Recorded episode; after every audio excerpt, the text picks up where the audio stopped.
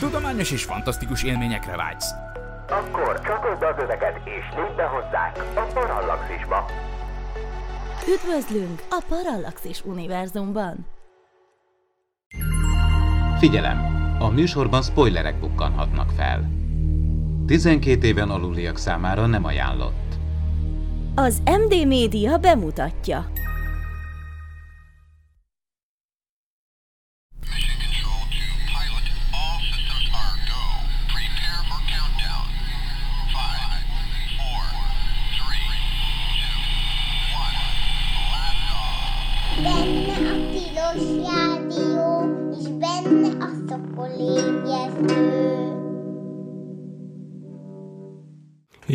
Reggelt kívánok, ez itt valóban a Tilos Rádió, a 90,3 MHz-es frekvencia modulált sávon, benne pedig a Szokolébresztő című műsor. Az én nevem dr. MZ per X, vagyis Vince Miklós, és itt vagyunk ezen a, hát tulajdonképpen gyönyörű tavaszias budapesti reggelen a stúdióban. Szerencsére, bár úgy tűnhet, hogy itt a mikrofonok mögött egyedül foglalok helyet, de szerencsére ez nem teljesen így, hiszen nem is olyan messze innen Brunóban, vagyis Brünnben ott ül Werner Norbi, állandónak tekinthető szakértő barátunk, és mindjárt meg is kérdezem, hogy hall-e minket. Norbi, hallasz? Jó reggelt! Igen, jó reggelt, hallak. Nagyszerű. Hát ez nagyon jó, ez azért is nagyon jó, mert hát idén először vagy hallható ebben a műsorban, úgyhogy hát boldog új évet kívánunk itt szokorébresztő szempontból. Nagyon örülök, hogy sikerült végre összehozni ezt a műsort. Ennek megfelelően elég eklektikus lesz a téma, mert sok mindenről ki akarlak faggatni.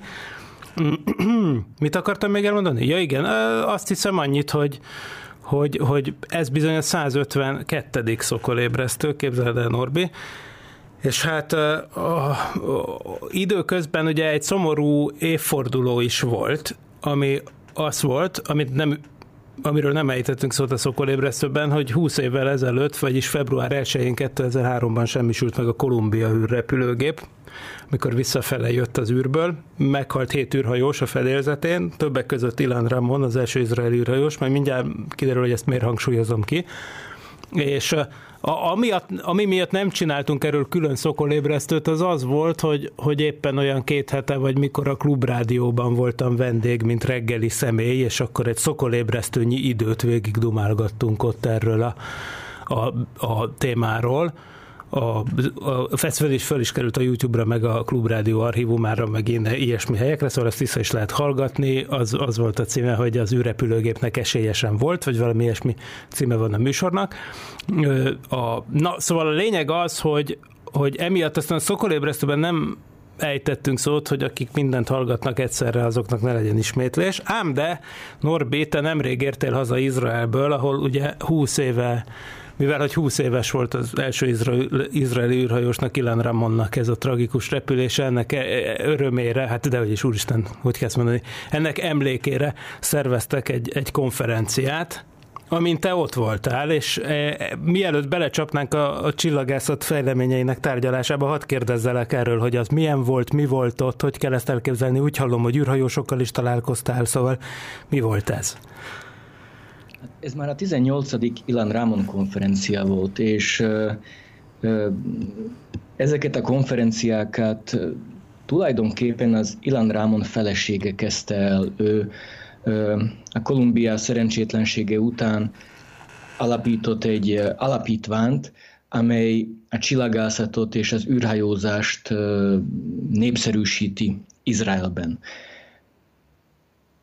És és nem csak erről a konferenciáról van szó, hanem nagyon sok mindenről. Emlékszel Sájra, a közös barátunkra Izraelből, a nemzetközi csillagásztáborból. Ő azt mondta nekem, hogy az utóbbi húsz évben ilyen, ilyen, ilyen kis csillagvizsgálók és planetáriumok jelennek meg mindenütt Izraelben, hogy addig ez nem volt, addig nem voltak ilyen, ilyen olyan csillagvizsgálók, ahová, ahová a, így az emberek csak bemehetnek és megnézhetik a Saturnust, megnézhetik a zöld üstököst mostanában, stb. Hogy, hogy ez mind az Ilan Rámon felesége által létrehozott alapítvány műve, hogy, hogy ilyen kis csillagvizsgálók és planetáriumok vannak most nem csak az izraeli területeken, de hogy a palesztin területeken is, azt mondta Sáj. Na hát ez fantasztikus. És tehát várjál csak, hogy a, akkor az, az az állítás, hogy az Ilan Ramon feleségének a működése eredményeként még a palesztin hatóság területén is ö, több a bemutatott csillagvizsgáló. Igen. Azért ez kemény, ez egy szép, szép teljesítmény. Aha. És, és én addig, eddig a konferenciáig én nem, nem föl sem fogtam, hogy, hogy Ilan Rámon és az egész Kolumbia szerencsétlenség, hogy az milyen óriási hatással volt Izraelre.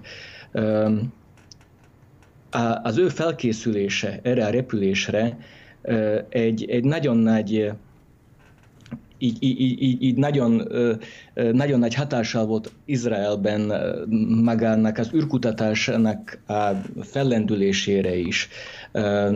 A érdeklődést fölkeltette az űrhajózás és a csillagászat iránt, és, és így nagyon sok startup is létrejött utána. Tehát az Ilan Rámon repülésének annak ellenére, hogy Ilan Rámon nem élte túl a leszállást, óriási nagy hatása volt az izraeli űrkutatásra. És ezt, ezt ezen a konferencián értettem meg. Nagyon-nagyon érdekes volt ez a konferencia, és, és úgy, úgy, úgy meg is lepődtem, hogy, hogy ilyet tudnálunk nem tudok elképzelni, hogy egy űr- és csillagászati konferencia, és eljön Isaac Herzog, az Izrael elnöke, megnyitni a konferenciát, mond egy beszédet, aminek uh, mélysége és értelme van, hogy nem csak egy ilyen uh, egy ilyen általános beszéd, de tényleg lehetett látni, hogy, hogy, hogy az egész így, így érdekli és ismeri a Ilan Rámon családját. Utána képzeld el, az Ilan Rámon fia mondott egy gyönyörű beszédet és zenélt. Ó, mert ő mit zenél? zongorázott, oh, aha. és saját, saját költeményt játszott. És úgy mutatta be, hogy, hogy amikor ő kicsi volt, hogy ott volt az ő nagymamájuk zongorája, aki, aki egy holokauszt túlélő, és az apukája azon a zongorán szokott játszani. És aztán miután az apukája meghalt, és hogy, hogy ő nagyon szeretett azon a zongorán játszani, és azokat a billentyűket nyomogatni az ujjaival, amiket előtte az apukája nyomogatott, hogy így, így, így, így kapcsolatban érezte magát az elhunyt apukájával. Na és ezen a zongorán ő, ő nagyon sokat játszott, és volt egy költeménye, ami az anyukájának is a kedvenc költeménye volt, és azt játszotta el a konferencián, és, és tényleg, tényleg nagyon szép volt, gyönyörű volt. Hát... Utána... Igen? Igen, igen, semmi, csak, csak azt akartam mondani, hogy, hogy tényleg egyébként hátborzongatóak ezek a dolgok. Azt nem tudom, hogy tudod-e, az mondjuk nem tudom, ide kapcsolódik-e, csak mivel, hogy te Csehországban élsz, ezért, ezért lehet, hogy te tudsz arról, hogy az Ilan Ramon a repülésére magával vitte egy olyan rajzot, amit egy koncentrációs táborba készített még Terézienstadtba egy, egy egy cseh kisfiú, 11 éves korában, aki aztán, akit aztán megöltek Auschwitzban, és, és ez a rajz, ami azonban fönnmaradt, ez, egy, ez, ez lényegében a Földet mutatja a holdegén, tehát egy holdbeli tájat. Az eredeti az egyébként ki is van állítva a, a, a Jadvasemben, az emlék és név, tudod, ebben a holokauszt emlékközpontban, de valójában egy másolat, egy, egy hát úgynevezett hiteles másolat, bármit jelentsen is ez, szóval egy olyat, olyat például elvitti az Ilan Ramon magával, és Hát ez nem jött vissza, de hogy, hogy mindegy, csak ez eszembe jutott erről a zongorás történetről, hogy, hogy egy csomó, csomó ilyen szimbolikus dolog van ezzel a repüléssel kapcsolatban, ami eléggé ilyen, hogy összekötni a múltat a jelennel, a jövővel. Érdekes. Na és ez a megemlékezés után pedig képzeld el, ott volt az Egyesült Arab Emirátusok űrügynökségének a vezetője, aki egy, aki egy, aki egy nő, fiatal nő, 35 éves, hm. és ö, ő mondott beszédet, és, és az, is, az is nagyon szép volt, mert az Egyesült Arab Emirátusok és Izrael csak két éve kötött úgymond békét, és most, és most együtt akarnak működni az űrkutatásban. De ez, ez azonos a Sarah Alamiri nevű nővel, aki igen, a... Te, igen, ugye? Igen, igen, igen, elképesztő. Ez, ez néhány évvel ezelőtt ez meg teljesen elképzelhetetlen lett volna. Igen. Igen. engem, engem, engem különben nagyon ö, ö, lenyűgöz az is, hogy, hogy ez a, ez a Sarah bint Youssef al-Amiri, ő tényleg nagyon fiatal. Ő volt a, és ő volt a, a, a fő kutatója, vagy hogy mondják ezt a, a, a emirátusi Hope missziónak a, a Marshoz. Igen. Na de én ezen gondolkoztam, hogy ez vajon, ő, tehát pont ez egy fiatal is, nő is, tehát így e, kb. mindent lerombolni igyekszik az ő kinevezése, amit akár az űrprogrammal, akár az emirátusokkal kapcsolatban bárki gondolna, hogy hogy, hogy ő nem egy kirakat ember, ő, tény, ő ténylegesen, té, ténylegesen egy valódi kutató, ugye? Tehát ez az állítás, hogy ő... Hát én, én, én, én erre nem Nyilván tudok nem tudod megítélni, jó, persze. jól, jól válaszolni, de, de egy nagyon szép beszédet mondott, nagyon jó mm, angollal, meg, meg jó, jó volt az interakciója, úgyhogy szerintem, szerintem jó volt a fogadtatása uh-huh. az mhm. egész. Hm. És azt mondtad, hogy ott voltak, vagy az volt a terv, hogy ott lesznek a, az azóta az űrt megjárt következő izraeli és az ő legénysége, igen. ugye? Akik a igen, igen. Axiom repülésen voltak, ugye? Igen, a SpaceX-nél. Igen, ők is ott voltak, de ott voltak így, így más űrügynökségeknek a vezetői is, vagy, vagy vezetői, helyettesei. Az előző Ilan Ramon konferenciákra mindig állítólag eljött az a NASA vezetője is. Most épp a NASA vezetője nem volt ott, de ott volt az Associate Administrator Robert Cabana, ami, ami egy nagyon jó húzás volt így a NASA részéről is, mert ő tudott Ilan Rámonról pont ők barátok voltak, ismerték egymást, és pont... Mert ő egy űrhajós volt, ezt tegyük hozzá. Igen, igen és a pont Kabanának kellett informálnia a legénységek családjait a, a, a, a tragédia után, úgyhogy úgyhogy ő is tudott erről így, így első kézből ottan beszélni. Tehát a, a konferencia eleje az ilyen megemlékezés volt, és így, így, így, így át, ami átívelt így a jövőbe, és pont aztán az Artemis programról volt szó. És az Artemis program után aztán volt egy panel diszkuszió, ahol, ahogy mondod, meghívták az Axiom első legénységét, uh, ahol ott volt uh, uh, egy izraeli űrhajós, tehát ez az első izraeli űrhajós, aki megjárta az űrt és vissza is jött, és hát ez nagyon-nagyon érdekes volt számomra, mert itten, képzeld el, három milliárdos, plusz Michael Lopez Allegria, egy, egy, egy volt NASA űrhajós, aki mostan az Axiom Space fő űrhajósa. És most képzeld el, hogy, hogy összerakni egy olyan legénységet, ahol, ahol ott van három milliárdos, akik nem ismerték előtte egymást, és most egy ilyen kis térben együtt kell, hogy menjenek egy ilyen veszélyes űrmisszióra, és most elképzelheted, hogy mind a hárman azért, azért egy, egy rendes egóval rendelkező emberek. Uh, ott, ott volt az, az egyik amerikai, a Larry Connor, aztán a Ethan Stibe, Stibe, nem tudom, hogy értik a nevét. Ő, uh, Stibe. Stibe. Tehát a Samek betűvel van írva, tehát a Stibe-nek kell mondani. E- Ethan, uh, ugye? Ethan. Ethan igen, Stibe. Ethan Stibe. Aha. Ő, ő volt közülük így a leg, hogy mondják, így a leg puhább hatású, vagy... Pedig egyébként az is egy, izé, azt olvasom a csávóról, hogy az is egy vadászpilóta volt. Igen, igen. F-16-osokat vezetett, ráadásul az Ilan Ramon alatt szolgált még az izraeli légierőben, azt olvasom. És, és Fun fact. Nagyon szép dolog volt, hogy ők tényleg ismerték egymást Aha. nagyon jó, és a családjaik barátok.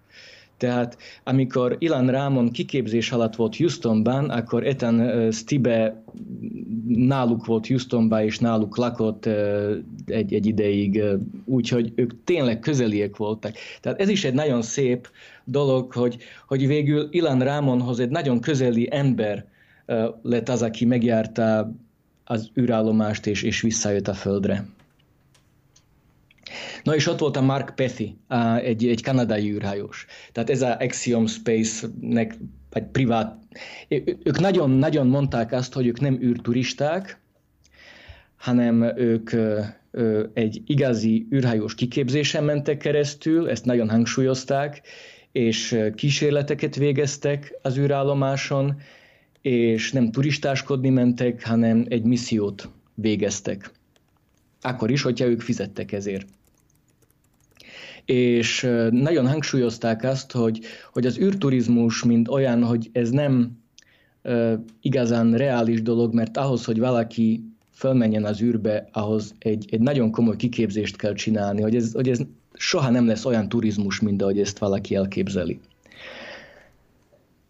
Igen, és egyébként tegyük hozzá, hogy ez ugyanaz, a, ez az Axiom Space-el fölmegyünk kutatni, befizetjük, ez ugyanaz a struktúra, amivel egyébként az emirátusok is majd most fog újabb embereket küldeni az űrbe, ha már szóba kerültek, és ami egyébként a magyar űrrepülésnek a bonyolításában, a Hunor programban is megy. Tehát ugyanez, a, tehát ugyanez az Axiom nevű Houstoni cég, ami kicsit elsőre tényleg úgy tűnik, mint egy űrbéli utazási iroda, ami ilyen például országok, vagy akár magáncégek és a SpaceX között közvetít, és úgy emberek feljutatását szervezi az űrállomásra hogy, hogy ez ugyanaz a cég, amivel a magyar kormány is üzletelt, meg amivel mostanában szokás. Tehát igazából például kisebb országoknak vagy cégeknek, akiknek van egy elvégezni való kutatásuk, és egyébként űrturistáknak is, akik talán tényleg csak szórakozni vannak, ezen a cégen keresztül vezet az út, de, de so, soha, soha nem az a fajta turizmus, hogy izé lógatjuk a lábunkat, és nem csinálunk semmit. Tehát, hogy igazából gondolom őket is befogják ilyenkor tenni, valami kutatásokat csinálni, gondolom, ugye? Tehát ez itt is így volt. Hát itt az volt, hogy ők, ők a kutatási programjaikat előre találták ki. Aha. Én tudom az izraeli kollégáimtól, hogy ez a Ethan um, Stibe, ő, ő végigjárta az egyetemeket, ő beszélt velük, tényleg ö, azt mondják a kollégáim, hogy ő valóban érdeklődött a, a tudomány iránt, ö, amit ők akarták elvégezni az űrállomáson, és, és, és, és szentelte ennek az idejét. Tehát, no, de, de még hagyd mondjak egy, egy, egy nagyon, nagyon érdek, ami, ami számomra ilyen, így, ami engem így lenyűgözött. Ahogy mondtam, ott ült ezen a, ezen a diszkuszión, a, a színpadon négy ember, akikről úgy mondanám, hogy, hogy hogy így csöpögött belőlük az ego, főleg a Larry Connor az amerikaiból. És ez a Larry Connor mondta is, hogy, hogy ő az elején, hogy ő megmondta, hogy ő akar lenni a, a legénység kapitánya. De aztán végül Michael Lopez Allegria lett. Na és, és képzeld el, hogy ezeket az embereket úgy összerázni, hogy ők úgy működjenek, mint egy legénység. Nem mind mint egy kapitány és három kemény egós milliárdos. Úgyhogy képzeld el, hogy az Axiom Space azt csinálta, hogy berakta őket egy repülőbe, négyüket, és kirakta őket Alaszkán egy, egy bizonyos helyen, és azt mondta nekik, hogy azt mondták nekik, hogy most egy hét múlva itt és ott találkozunk. És akkor nekik négyüknek túl kellett élniük ottan Alaszká természetében, azzal, amiük volt, és aztán egy hétig eljöttek értük. Ahogy ez a Larry Connor aztán mondta, hogy, hogy ez egyáltalán nem volt könnyű, hogy de, de ezután lett belőlük egy legénység. Aha. Ez, ez, de egyébként érdekes, hogy mondtad, hogy, hogy ott van ez a López Alegria, ugye ő egy, ő egy igazi űr, úgy mondta, hogy ő egy veterán, NASA, NASA űrhajós volt, aztán ugye átszerződött az Axiom Space-hez magán űr parancsnoknak, ugye? Tehát érdekes, hogy akkora egók voltak, hogy a befizető milliárdos úgy akart parancsnok lenni, hogy közben egy többször repült tapasztalt veterán űrhajós volt a fedélzeten. Aha. Szóval igen, kemény lehetett azért. És akkor sikerült nekik ezek szerint összerázódni? Igen, igen, sikerült összerázódni, és, és nagyon mondták is, hogy végül nagyon közeliek lettek egymáshoz, és tényleg, hogy, hogy tudták eh, olvasni egymás mozdulatait eh, annyira, hogy, hogy, hogy, hogy, hogy a repülés közben nagyon jól tudtak együttműködni. Aha, fél, még egy kérdést akartam, hogy amíg, még a Szokolébresztőben, még 2019-ben, amikor egyszer pont Izraelben a Weizmann intézetben jártam, akkor csináltam egy interjút Ode Daharonzonnal, aki a vezető kutatója volt akkor a Beresit holdszondának, ugye, ami egy nagyon ambiciózus küldetés volt, tehát egy pici ország küldött egy űrszondát a Holdra, Ugye sajnos, ugye a leszállás legvége az nem sikerült, mert oda csapták, úgyhogy igazából az űrszonda nem tudott simán leszállni a holdra, csak csinált egy pár millió dolláros krátert. Viszont ugye azóta hallhatjuk, hogy lesz folytatás. Tehát lesz Beresit kettő, vagyis én úgy tudom, hogy lesz, és terveznek újabb polcon. erről esett valami szó? Vagy, vagy most ez, ez mégis ez annyira nem kapcsolódik az emberes repülésekhez, de gondoltam, hát hallottál valamit. Én erről, öm, én erről nem hallottam. Jó, ez is jelzésértékű.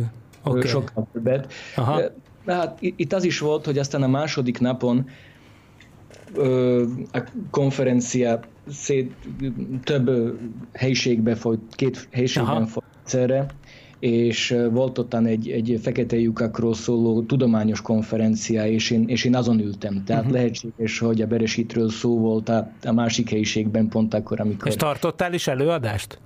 Nem, nem tartottam. Nem, ó, de jó, az a legjobb, akkor izé csak élvezted a, izé, a közel-keleti vendégszeretetet. Na, jól van, biztos sok humusz tettél, és már nagyon eleged van belőle. Na, de azért nagyon örülök, hogy sikerült megúszni ezt a látogatást ilyen jó eredményekkel, és akkor sájjal is találkoztál, ezek szerint ez külön igen. öröm. Igen. Na, viszont... És, és igen. Főleg, fő, főleg az izraeli Ultrasat misszióval Aha való kapcsolatteremtés miatt voltam. Na, és az mi? Azt meséld el, mert én semmit nem tudok róla. Izrael 2026-ban fog indítani egy, egy űrtávcsövet, ami uh, egy ultra ibolya uh, spektrumban működő űrtávcső lesz. Uh, nagyon nagy uh, field of view uh, mi a magyar kifejezés, Miki? A Field of View-ra? Hát, lá, hát nem, nem látótér, nem, nem tudom. Lá, nem tudom. Látótér? Hát, látom. Nem tudom. Ez élő adásnak a izéi, sajnálatos következményei, hogy, hogy nem, tehát egy, egy, nem, egy nem, nem jut eszembe nekem. És, amely, amely 2026-ban fog indulni, képzeld, a geostacionáris pályán fogják kitenni ezt az űrtávcsövet, és ez az űrtávcső aztán um, úgynevezett uh, temető uh, pályán lesz, és onnan fogja figyelni a világűrt. A temetőpálya az a geostacionáris pálya fölötti pálya. Uh-huh. Azokat a műholdakat, amelyek már nem működnek tovább a geostacionárius pályán, azokat, azokat följebb küldik. Igen. Nem lejjebb, hanem Igen. följebb küldeni. Tehát ott lesz, ott fog működni ez az Ultrasat nevű űrtávcső is, és hát sok szupernóvát, meg ö, ö, érdekes jelenséget fog majd felfedezni. És egy előző adásban beszéltünk arról, hogy itt Csehországban készül egy cseh nemzeti űrmisszió, és mi pont azt szeretnénk, hogy ez egy ilyen ultraibolya cseh űrtávcső legyen, és szeretnénk, hogy ez a cseh űrtávcső nagyon közel működjön együtt az izraeli ultraszattal. Tehát ez volt mhm. az én um, utam fő célja. És sikerült? Valamit ez ügyben megállapodni? Igen, igen, sikerült. Nagyon, uh, holnap, vagyis még ma este jönnek pont az Ultrasat teamből jön valaki hozzánk ide Brnóba, és hát uh, reméljük, hogy sikerül. Marha jó.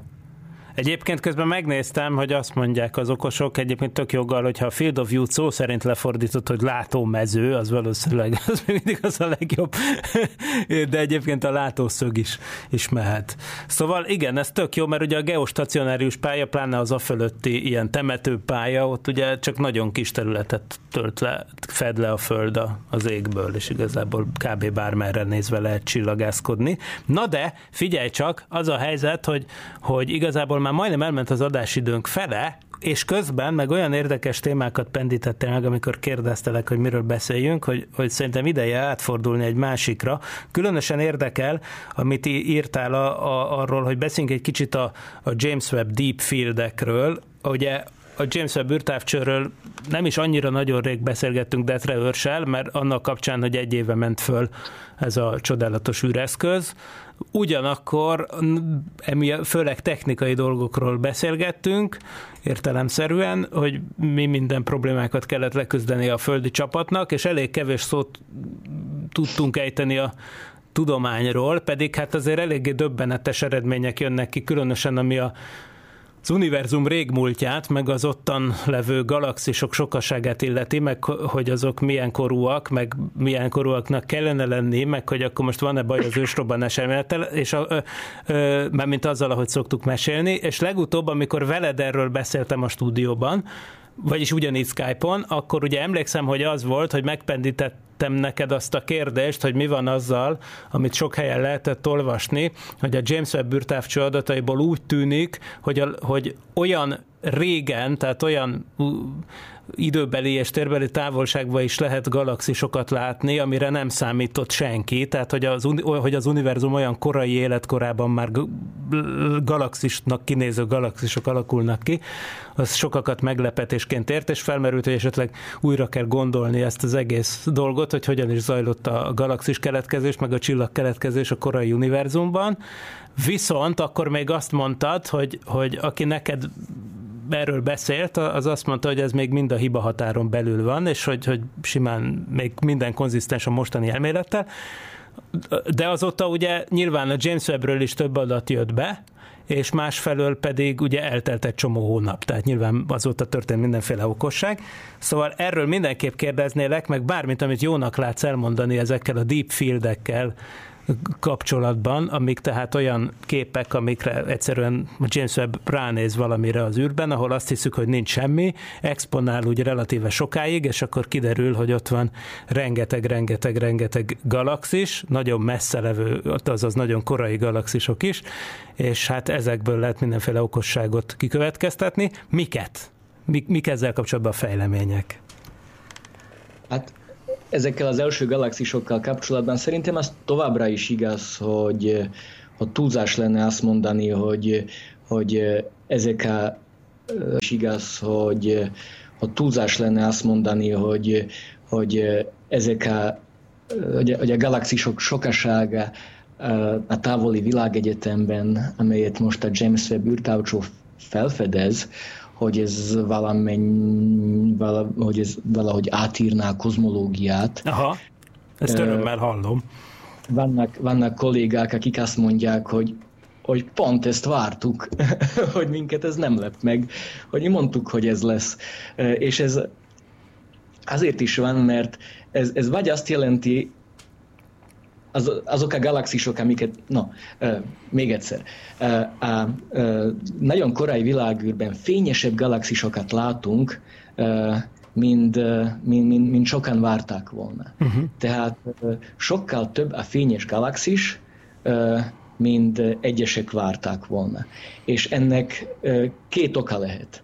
Az egyik, hogy ezek a galaxisok már a nagyon korai világegyetemben sokkal több csillagot tartalmaztak, mint egyesek várták volna, vagy azt jelentheti, hogy ezek a galaxisok nem tartalmaznak több csillagot, csak azok a csillagok átlagban ö, nagyobb tömegűek, tehát fényesebbek. Aha. Tehát a csillagok tömegeloszlása a korai világegyetemben más volt. Hogy a korai világegyetemben több ö, nagy tömegű csillag keletkezett, és kevesebb kis tömegű csillag. Mind ma.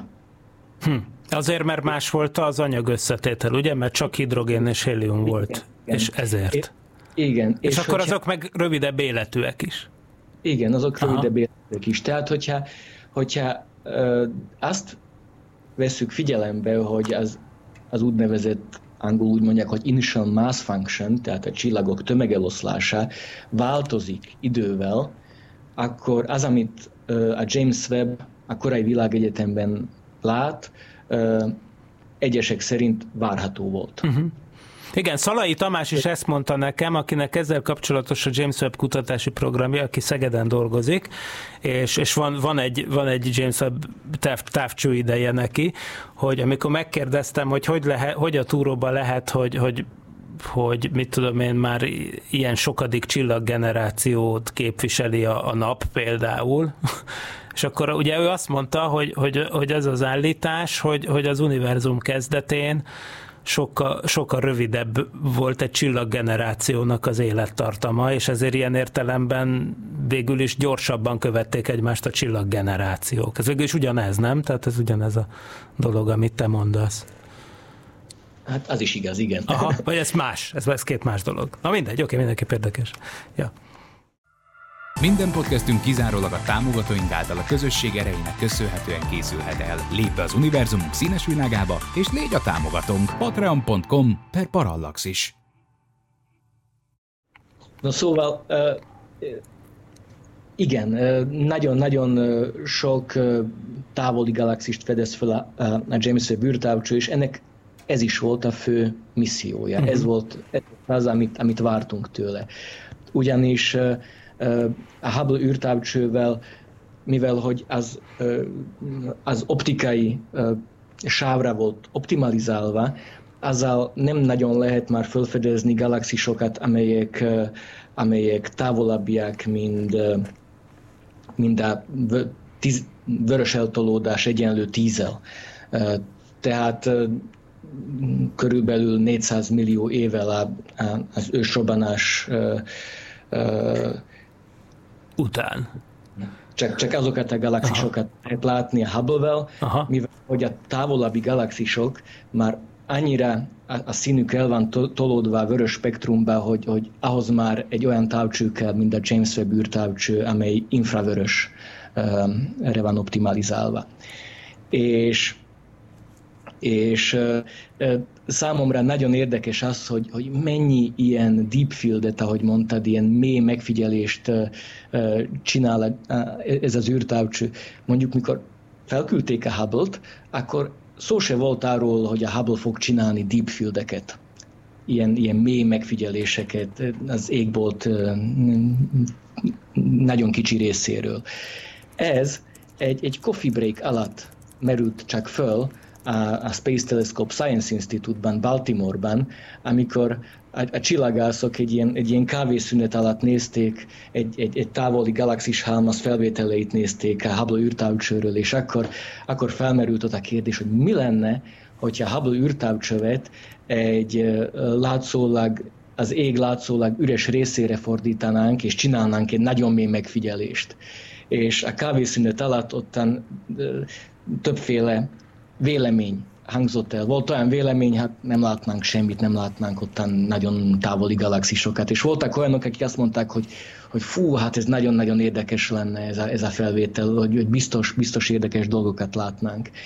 Na és ez pont egy olyan ötlet, amit, amit nem lehet beadni, mint, mint, mint, egy, mint egy propózat, egy megfigyelésre, egy, egy megfigyelési ajánlatot, mert az, ez, ez egyszerűen nem fog átmenni a, a, a komissziókon, hogyha nem tudod megmondani, hogy, hogy fogsz-e valamit látni, vagy nem. Uh-huh.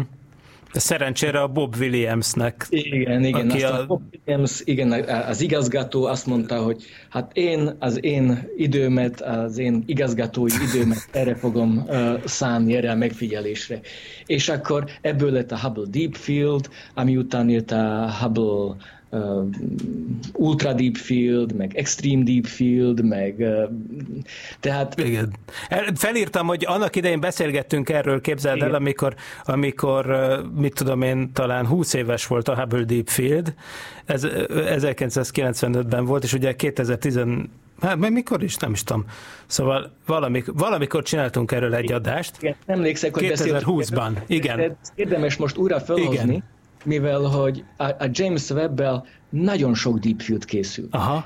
Tulajdonképpen a legelső felvétel, amit még Joe Biden mutatott be a Fehérházban, az is egy deepfield volt, viszont ez nem egy, egy látszólag üres része volt az égboltnak, hanem egy nagyon nagy tömegű galaxis halmaz. Hm. Nagyon fontos, hogy ez egy nagyon nagy tömegű galaxis halmaz volt, mert ahogy tudjuk a relativitás elméletéből, a, a tömeg az módosítja a, a, a fény sugarak pályáját. Tehát egy ilyen nagyon nagy tömegű galaxis halmaz úgy működik, mint egy nagy lencse az égbolton. És ez a lencse, ez eltorzítja és felerősíti a még távolabbi galaxisok fényét. És pont egy ilyen, egy ilyen természetes űrlencsére nézett a James Webb űrtávcső, azon az első felvételen, amit, amit Joe Biden mutatott még be 2022. július 12-én, 11-én. És akkor a Fehérházban elhangzott, hogy ezen a galaxis, ezen a felvételen olyan galaxisokat látunk, amik kevesebb, mint egy milliárd évvel az ősrobbanás után látjuk őket ezen a felvételen. Ami nem volt nagyon impresszív, mert a Hubble sokkal fiatalabb galaxisokat is látott. Uh-huh. Viszont júliusban nem csak az első felvételeket mutatták be, hanem, hanem az összes adatot nyilvánosságra hozták. És voltak csillagászok, akik erre fel voltak készülve, meg voltak nekik írva a, a programjaik, a felvételek feldolgozására, sőt, a cikkeik is meg voltak írva, és már csak a számokat kellett beleírni cikkekbe. Ez az igazi. És akkor ezekre a felvételekre ők ráugrottak, és, és akkor analizálták ezt a, ezt a ezt a legelső felvételt, ezt a, és, és, és akkor nyáron így jelentek meg az archívon olyan cikkek, amelyek azt mondták, hogy, hogy olyan, olyan, olyan galaxisok vannak, amik 13. vörös eltolódás, 16. 20. Tehát ezen a felvételen vannak, akik azt állítják, hogy olyan galaxisok is láthatóak, amelyeket 180 millió évvel az ősrobbanás után látunk. 180 millió évvel, ez, ez teljesen elképesztő. Viszont ezek, ezek még nem biztos számok, ezeket spektroszkópiával meg kell még alapozni, viszont egyértelműen nagyon érdekes. Hm. És hát jó, ez volt az első felvétel. A James Webb megfigyelte azt a az égboltnak azt a részét is, amiről már beszéltünk, hogy, hogy, a, hogy a Hubble nézte el, Hubble, Hubble Deep Field, meg Ultra Deep Field. Tehát azt is, azt, azt is lefényképezte a, a James Webb űrtávcső, és, és ez, ez is, és erre az égbolt ennek a részére 800 időt, 800 óra időt fog szállni. 800 óra. Azt Ezt, a mindenit. 800 órán át exponál ugyanarra nézve?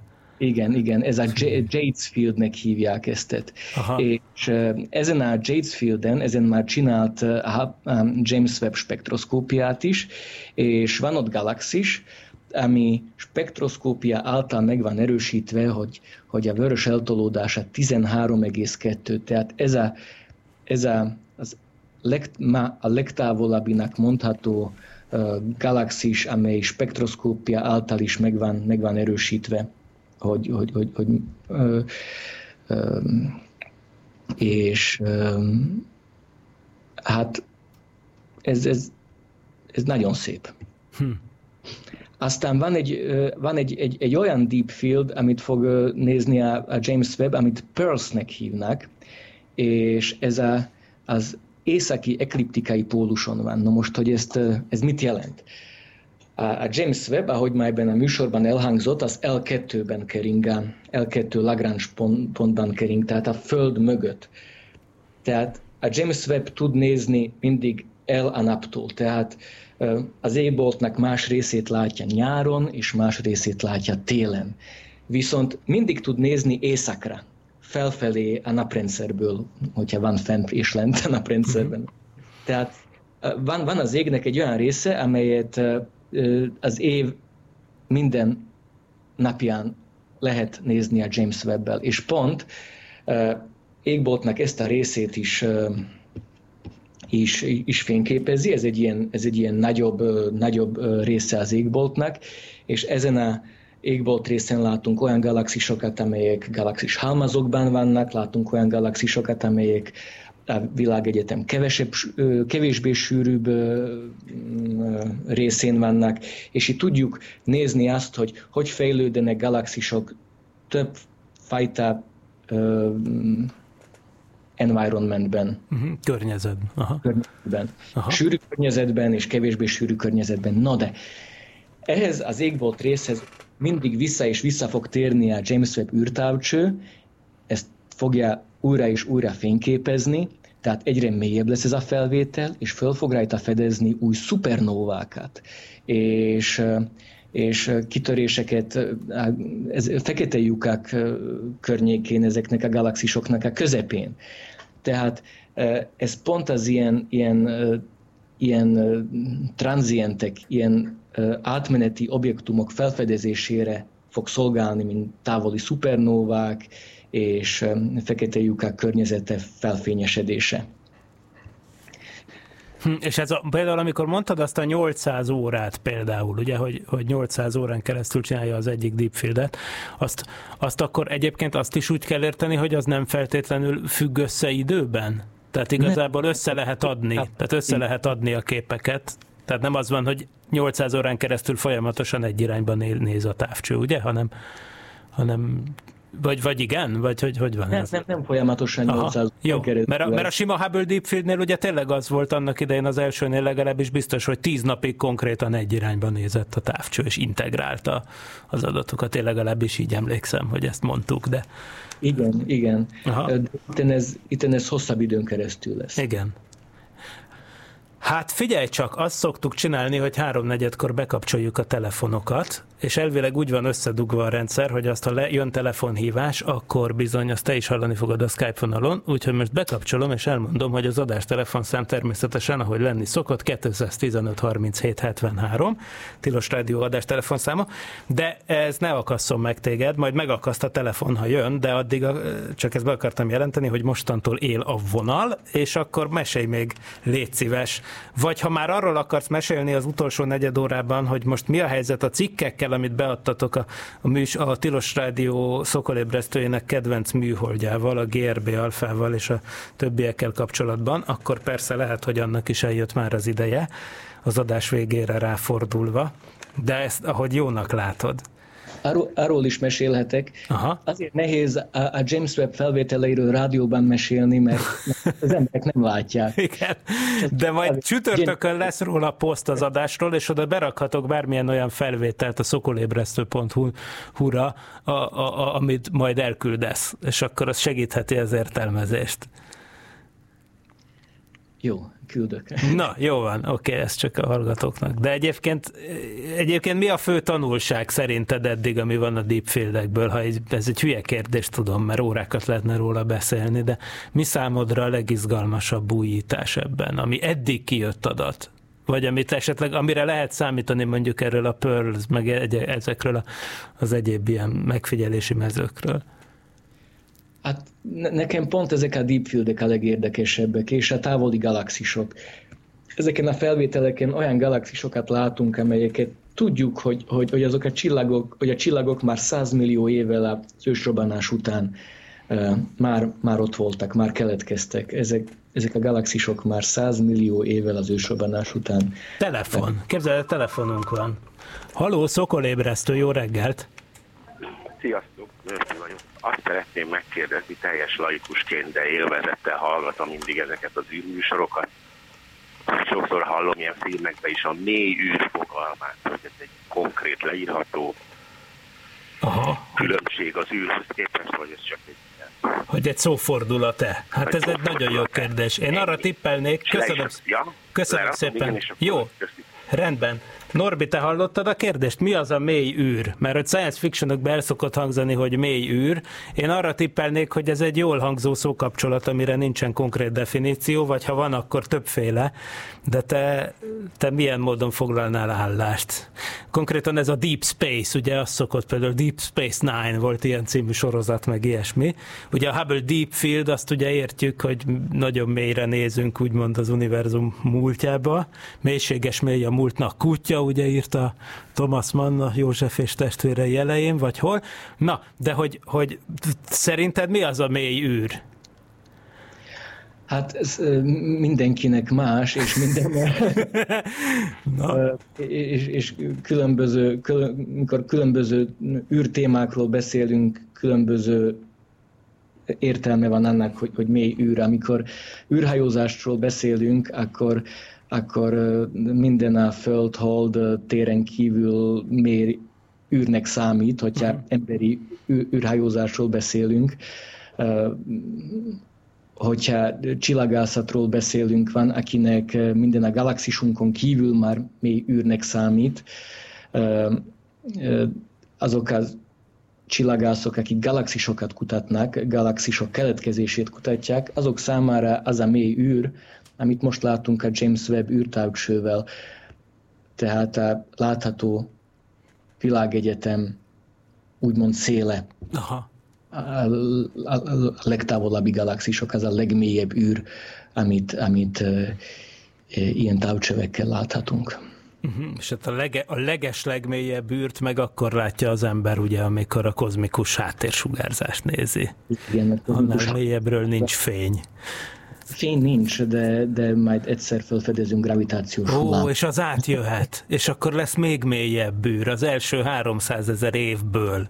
Hú, Igen. Na, jó, kemény világ. Jó, tehát akkor oké, okay, ez a szakmai állásfoglalás a Tilos Rádió ö, szokolébresztőjének, állandó szakértőjének, Werner Norbinak, az asztrofizika professzorának, hogy a mély űr az mindenkinek mást jelent. Na, oké, ez így van. Na, tehát akkor visszatérve akkor a témára. Mi a helyzet nálatok?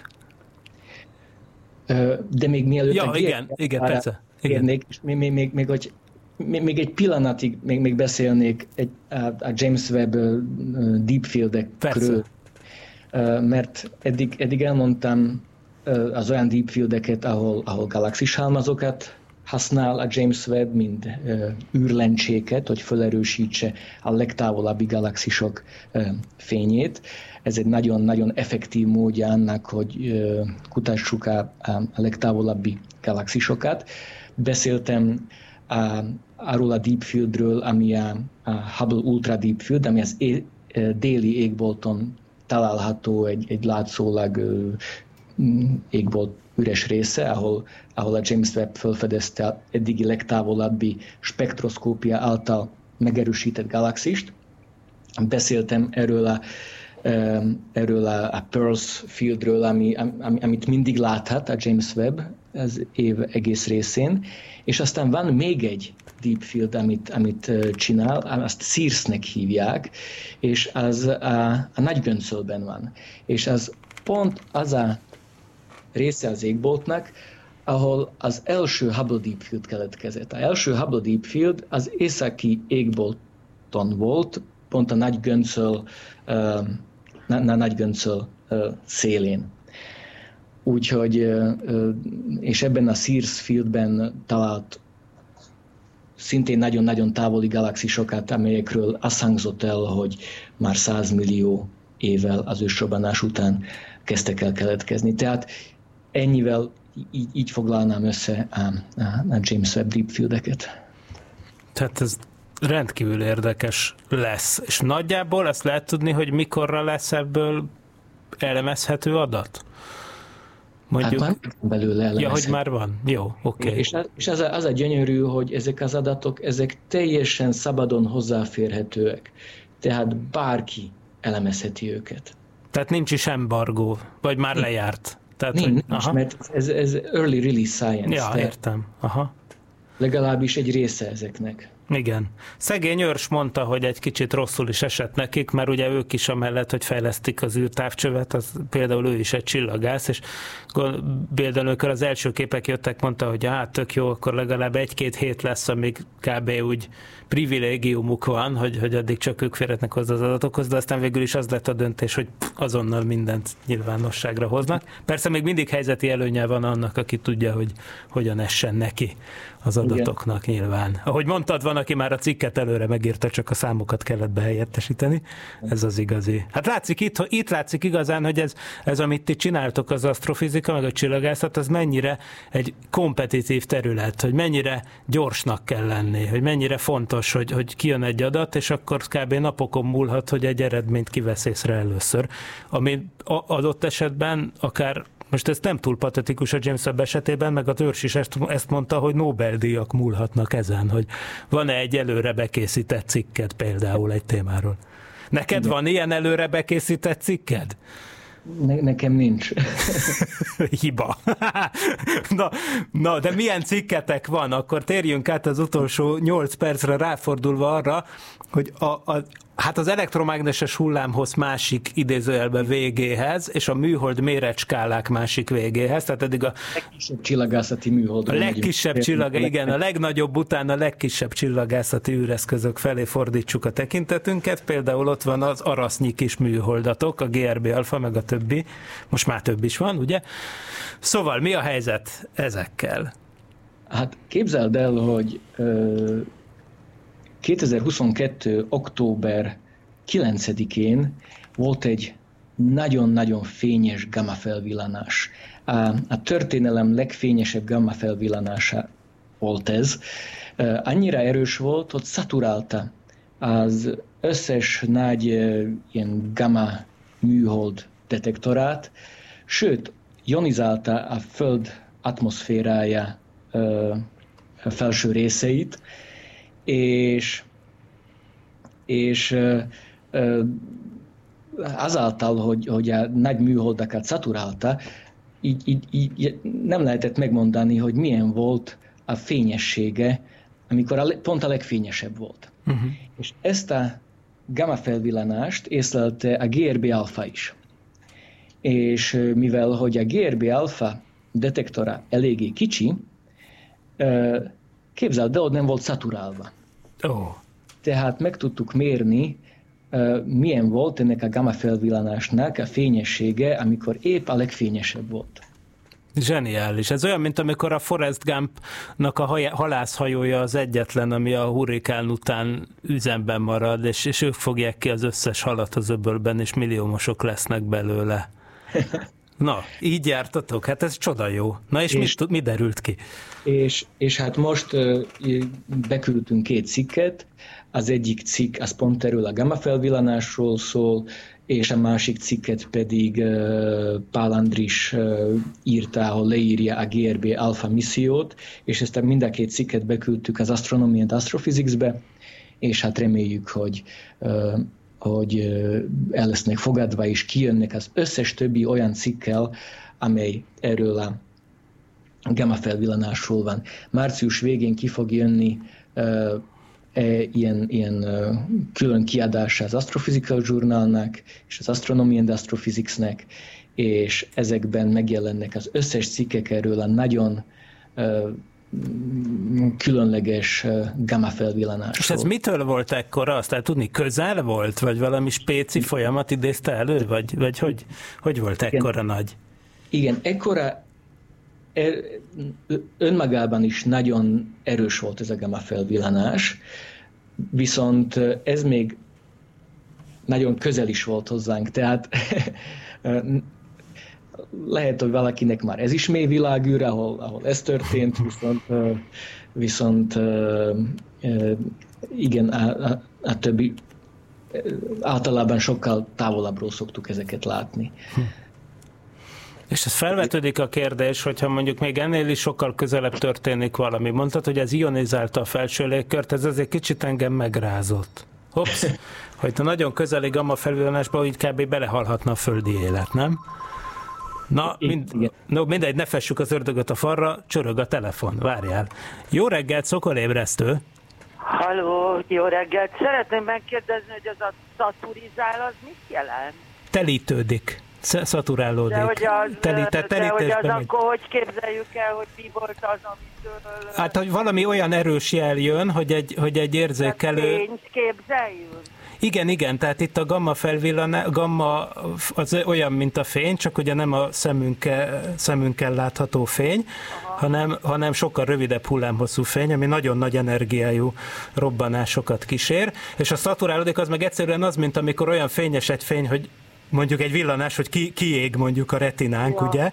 És itt, Ó, itt, itt is ez van, hogy a detektor uh, annyira, annyira fényes volt, hogy tulajdonképpen kiégette a nagyobb távcsövek detektorait, mármint olyan értelemben, hogy nem tette őket tönkre, csak nem lehetett látni, mert túl erős volt ahhoz. és, Na, és a kis Hát műholddal meg lehetett látni. köszönöm. köszönöm. Köszönjük a kérdést! Köszik. Sziasztok! Vagyis szia, mert mi, ő, igen, na, szóval mi vagyunk többen itt. Ah, igen, na, tehát ez, ez az.